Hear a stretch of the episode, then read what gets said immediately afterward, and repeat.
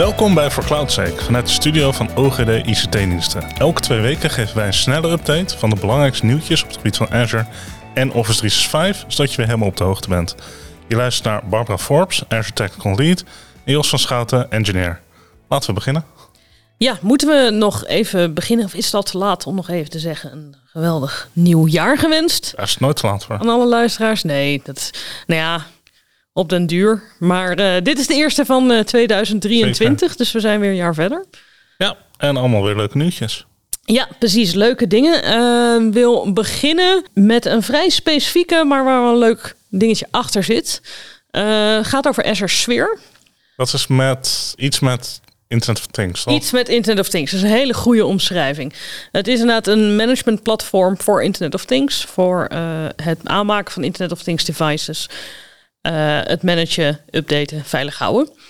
Uh, het concept is een beetje dat, je, dat het Internet of Things device, IoT-device, uh, een module daaraan heeft zitten die aan Azure verbonden is. Oké, okay, een module als in een fysiek iets. Het is een fysiek element en het heeft een soort firewall-functie daarmee. Oké. Okay. Het gaat okay. echt om security.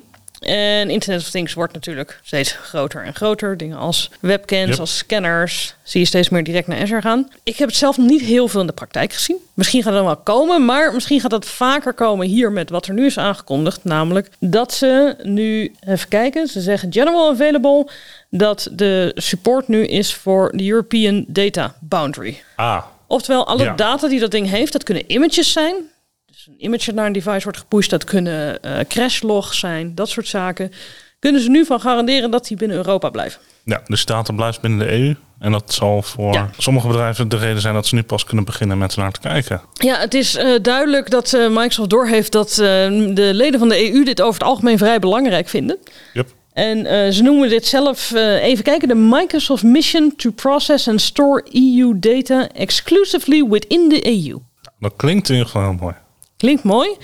En dit is een stap er naartoe. En op zich is dat natuurlijk iets waar wij ook in Nederland heel erg blij van worden. Absoluut. Ja, uh, dan heb ik voor de verandering ook een keer een beetje Azure gerelateerd nieuwtje. Oh, oh jee. Uh, namelijk uh, support voor IPv6 in Azure AD. Ja, mogen we dan zeggen, was dat er nog niet? Nee, dat was er, nog, dat was er zeker nog niet. Dat was wel een ding waar Microsoft een beetje op, ja, niet per se achterliep, maar wel heel duidelijk een, uh, wat dingen miste. Um, dus dan beginnen ze eind maart, mei 31 maart. En, en welk gedeelte van AD of wat specifiek? Het begint nu met conditional access policies. Zodat jij, uh, als jij een locatie hebt van een bedrijf, waarin je zegt, dit is een managed location in Azure uh, AD. Vanaf hier is een veilige locatie, mag je bij de backend. Daar kun je nu IPv6-adres vanaf maart dan ja, en in gaan voeren. wordt steeds relevanter. Het is eigenlijk verbazend dat ze het zo ja. lang staande kunnen houden. En je hoeft dan ook niet meer te natten. Uh, dat kan dan ja. gewoon met native IPv6-adressen. En ja, dat begint met access policies. En dat, wat er achteraan komt zijn de SHD, B2C en B2B-connecties. En nice. steeds meer.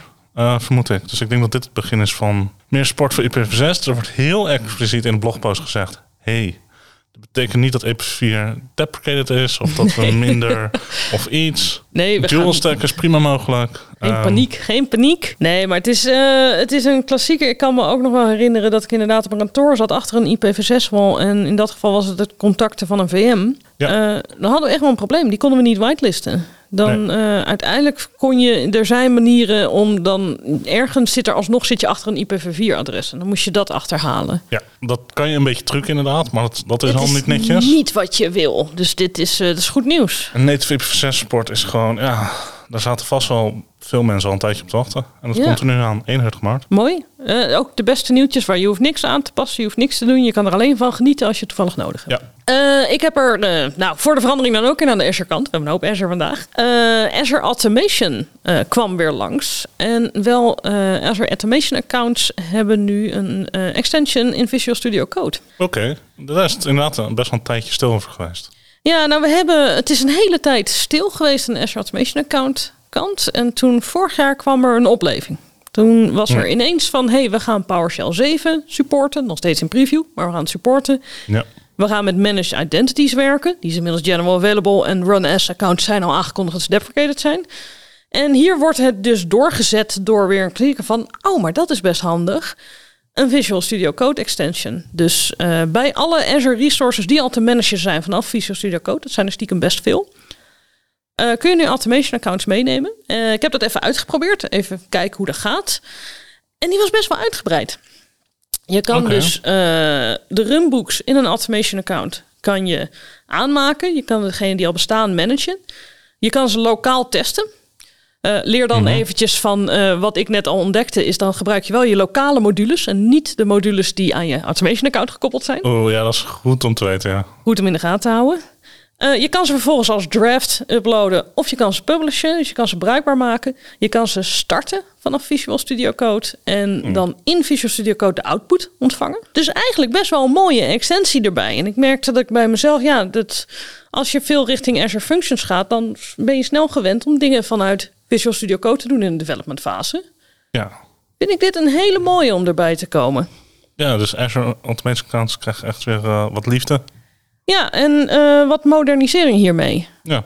Dat uh, ja, is, is welkom en makkelijk ook te proberen voor de mensen die met automation accounts werken. Je kan het ding gewoon vanuit Visual Studio Code direct downloaden en direct zien wat het allemaal kan.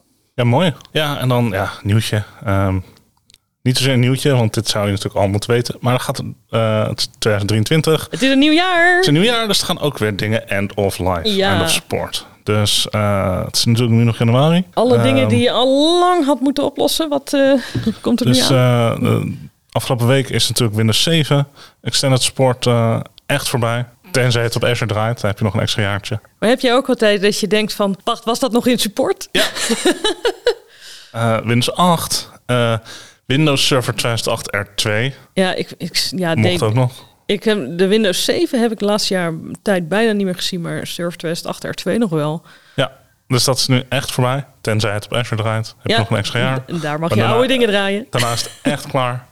Um, en dan komt binnenkort uh, de, hele 2013-familie gaat uit. Dus sinds 2013 Link, uh, Office 2013, april is dat echt voorbij. Wauw. En aan de Azure kant um, de Azure VM Classic op 1 maart. Die was ook nog in support. Yep. Die heb ik al heel erg lang niet meer gezien. De... Er zullen vast wel bedrijven zijn die nog ergens... Ja, nou, het is het verhaal van inderdaad gewoon Azure Classic in het algemeen. Uh, waar volgens mij Resource Manager inmiddels... Nou, hoe oud zal dat zijn? Een jaar of zes? Zoiets, ja. Zes, zeven. En in Azure jaren is dat echt heel veel. En dus dan de gedachte dat er nog ergens Azure VM's draaien. Maar ja, dat uh, is wel de klassieke van, uh, het is heel moeizaam die dingen te prioriteren. En vaak is er een reden als ze er nu nog op draaien. Is er wel, ja. En is bij Azure even afwachten. Want dat is wel, uh, ja, het, het moet uit. En je wilt heel snel uit. Maar het is, de stekker gaat er niet direct uit over het algemeen. Hè? Dus uh, het is alleen niet meer veilig. Ja, maar nou, ik hoop dat onze luisteraars uh, allemaal over zijn. Ja, ja, precies. Zeker in Windows 7. Ja, aan de andere kant kan ik me de XP-tijd herinneren van de XP-devices die dan niet aan het internet mochten, maar wel noodzakelijk waren om specifiek software te draaien. Citrix op, uh, ja, dat is 2028 natuurlijk, maar Windows 7 VDI uh, zal vast wel ergens nog draaien. En dit is allemaal, want die zijn eind januari, hè? Vorige week, 10 januari, is dat allemaal gestopt. 10 januari, het is al klaar. Dus als je het nu nog hebt draaien... Ben je uit sport? Ben je te laat het is goed om in de gaten te houden. Het is ook goed om te, het is makkelijk om te vergeten. Ja. Dus uh, nou, hebben we het nu uh, gemeld? ja, zeker. We zullen even een lijstje van al die uh, zaken even in de show notes zetten. Ja. En dan sluiten we hiermee deze aflevering van Voor Cloud af. Over twee weken zijn we weer terug met een nieuwe uitzending. Wil jij meer informatie over de besproken onderwerpen? Kijk dan even naar de links in de show notes.